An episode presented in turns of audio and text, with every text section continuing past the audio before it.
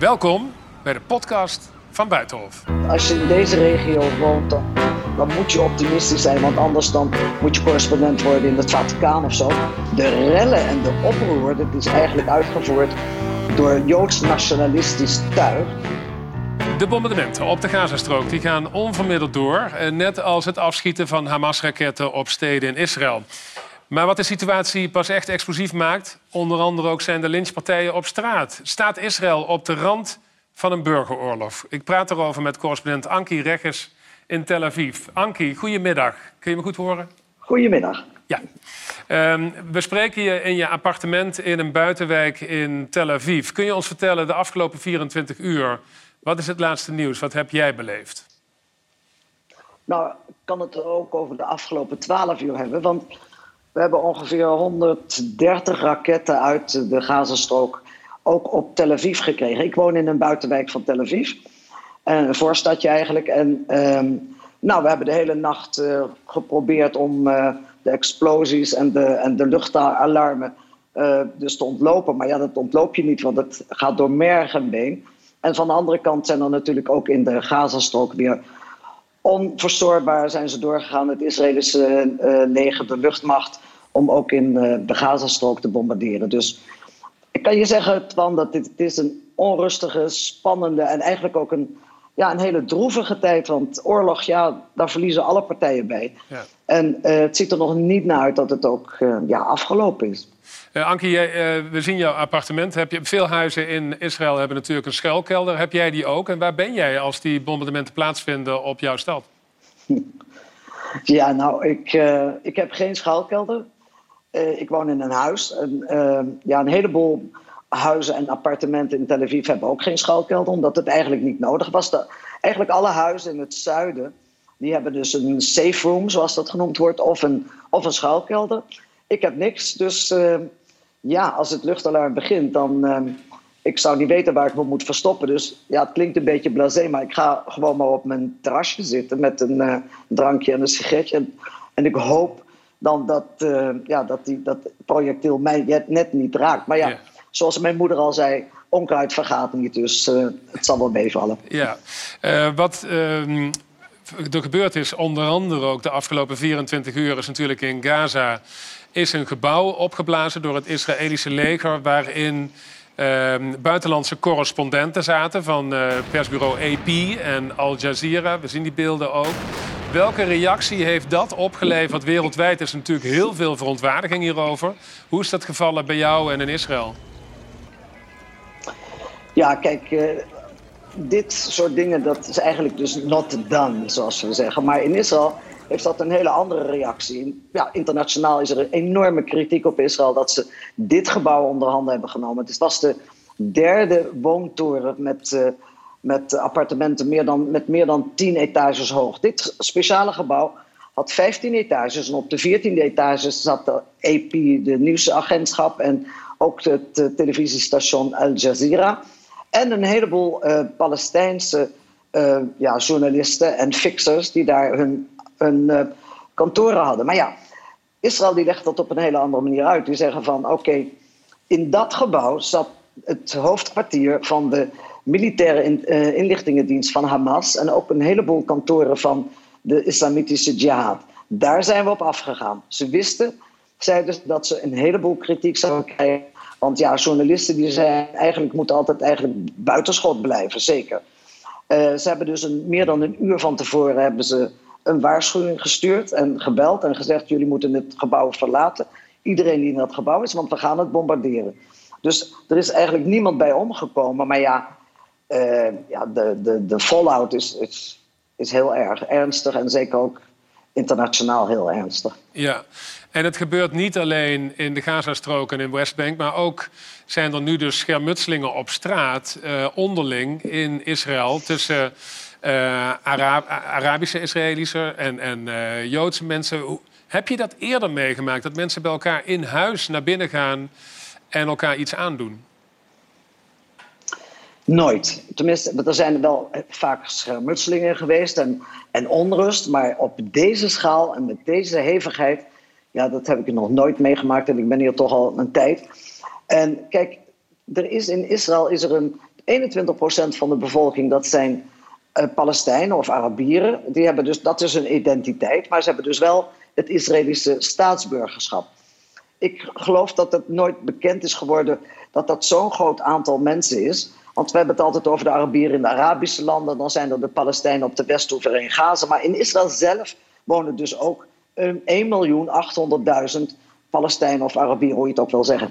En meestal ging dat goed. Ze hebben zelf wonen ze in, in een aantal uh, Arabische dorpen en steden. Maar ook zijn ze in uh, gemixte steden. Net als bijvoorbeeld in Haifa, in Nazareth, in Tel Aviv, met Jaffo, in Loed.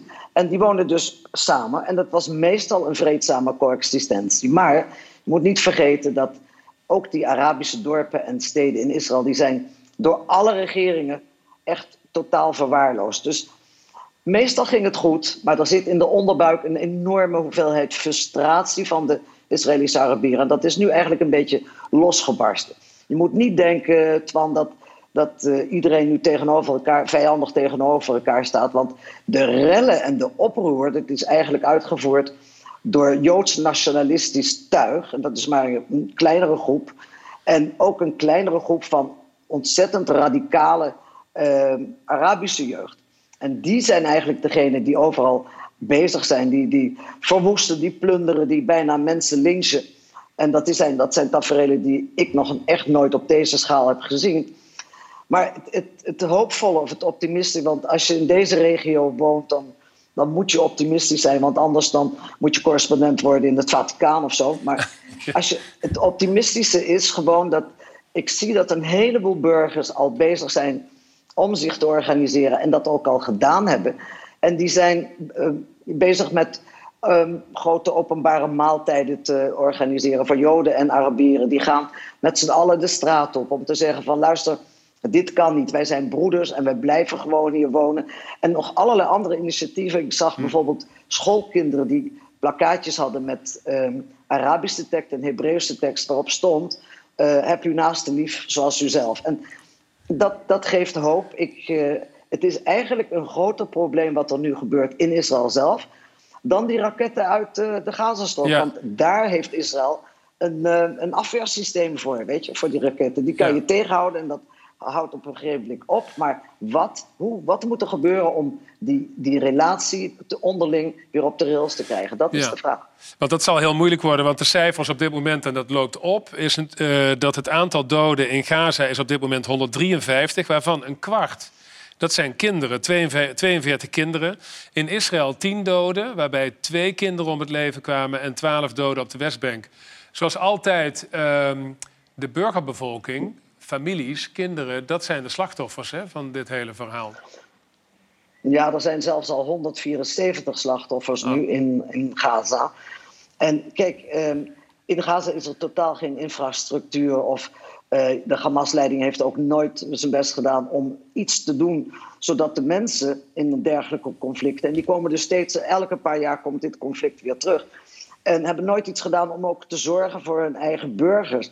En dat is gewoon zo tragisch. En dan krijg je dit soort dingen. En Israël die zegt dus dat ze dus alle moeite doen om dus geen uh, burgerdoeleinden te, ra te, raken. Maar ja, als je ziet hoe dichtbevolkt de Gazastrook is, dat je, en als je, je probeert dus precisieattacks aan te, uh, uit te voeren. Maar er zijn altijd mensen die daarbij omkomen. En ze hebben dus ook helemaal, daar ook helemaal geen schuilkelders. Daar is dus niet voor gezorgd. Nee. In Israël is, ja, is de bevolking beveiligd. Want als we dat afweersysteem niet hadden. En we hebben dus inmiddels 2500 raketten uit de, uit de Gazastrook op Israël gekregen. Ja, dan zou ik ook niet weten hoeveel doden te betreuren waren hier in Israël en, en hoeveel gewonden. Ja. Maar het is zeer problematisch. Zeggen, we moeten het ook even hebben over uh, uh, Netanyahu natuurlijk. Die vecht voor zijn politieke carrière. Uh, komt deze oorlog, want dat is het onderhand natuurlijk wel... komt dit hem goed uit? Want hij ja, moet steeds maar weer verkiezingen organiseren... om toch nog aan de macht te blijven. Ja, Netanyahu die stond eigenlijk met anderhalf been al buiten na twaalf jaar dus hier premier geweest te zijn. En er zijn het afgelopen jaar, zelfs in de coronatijd, iedere week waren er enkele demonstraties met honderdduizenden mensen erbij om hem naar huis toe te sturen. kijk, en hij was dus eigenlijk al niet in staat om een nieuwe, nieuwe regeringscoalitie te vormen. En wordt, hij wordt hier beschuldigd van het feit dat hij, dat hij geïnteresseerd is in dit geweld. Want zolang het geweld doorgaat, loopt ook het mandaat van een eventuele um, alternatieve coalitie waar ze al aan bezig waren. Partijen, centrumpartijen, linkse partijen, extreem linkse partijen, ook Arabische partijen samen, die waren bijna tot een, uh, ja, tot een oplossing gekomen. Het zou getekend worden in een paar uur tot toen deze, uh, dit geweld losbrak. Dus iedereen gaat ervan uit dat, uh, tenminste niet iedereen, maar er wordt dus gezegd dat, uh, dat hij er wel baat bij heeft, dus dat dit geweld uh, aan de gang is. En ook nog baat bij heeft als het nog een tijdje duurt. Want dan loopt het mandaat van die andere mensen af. Ja, uh, de VN-veiligheidsraad die komt bijeen zoals dat gaat uh, bij dit soort uh, conflicten tussen Israël en de Palestijnen. jij zegt van Netanyahu heeft er baat bij, er is geen oplossing in zicht. Ankie, we kennen elkaar al heel lang. Jij woont in Israël als correspondent heel erg lang. Je woont daar met je kinderen, je kleinkinderen die wonen in het land. Hoe bezorgd ben je over de situatie zoals die nu is tussen de Palestijnen en, en Israël, als je kijkt naar je eigen toekomst? Uh, nou, ik weet niet hoeveel toekomst ik nog heb, maar oké. Uh, nee, het, het, het, het, is een, bij een conflict wat al. al het, ik denk het langslopende conflict in de hele wereld is het conflict tussen de Palestijnen en de Arabieren en, en, en Israël. Het gebrek aan leiders zowel aan de Palestijnse kant als in Israël, die, die, die dappere stappen durven te nemen, die zijn er niet. Kijk, Hamas die wordt door de Europese Unie en door Amerika en door Japan enzovoort, die wordt uh, uitgemaakt als een terreurorganisatie. Uh, en Israël die zegt ook, ja, luister, ik bedoel, wij onderhandelen ook niet met, uh, met een terreurgroep. Dus uh, het moet altijd bemiddeld worden. Het is bemiddeld de afgelopen dagen tenminste een poging gedaan door Egypte. Nou, daar is niks van, het, van terechtgekomen. Inmiddels is er ook een Amerikaanse afgezant van mhm. Biden. Die is, naar de, die is uh, gisteren, nee, eergisteren ge, geland hier. Dus er, zit een bestand aan te komen. Tenminste, zo voel ik dat. En kijk, hoe lang kan iedereen het ook volhouden? En het gaat er dus nu over.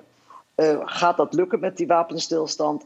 Het ligt eraan als er dus bijvoorbeeld Israël nog een, een, catastrofale attack op um, Gaza uitvoert met heel veel slachtoffers. Of als de Hamas nog in staat is om een of andere verrassingsaanval op Israël uit te voeren, ja, dan, dan zijn we weer terug bij af. Dan kunnen we weer opnieuw beginnen.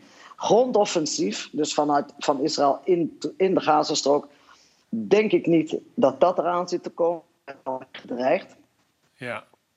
En, uh, maar kijk, voor Israël het is, dat is urban warfare. Dus dan moet je met je tanks in al die kleine steegjes van het vluchtelingenkampen. Dat gaat iedereen verliezen. Dat zijn slachtoffers, enorm veel slachtoffers aan beide kanten. En Israël is natuurlijk super uh, bang dat er ook uh, Israëlische soldaten gekidnapt worden. En dat er daarna dus eindeloze onderhandelingen en, en uh, worden uitgevoerd. Dus het, het zit eraan te komen, die wapenstilstand. En ik hoop dat dat snel gebeurt, want niemand is gebaat met deze situatie. Anki, zeer bedankt voor je commentaar vanuit Tel Aviv in Israël. Graag tot de volgende keer. Tot ziens.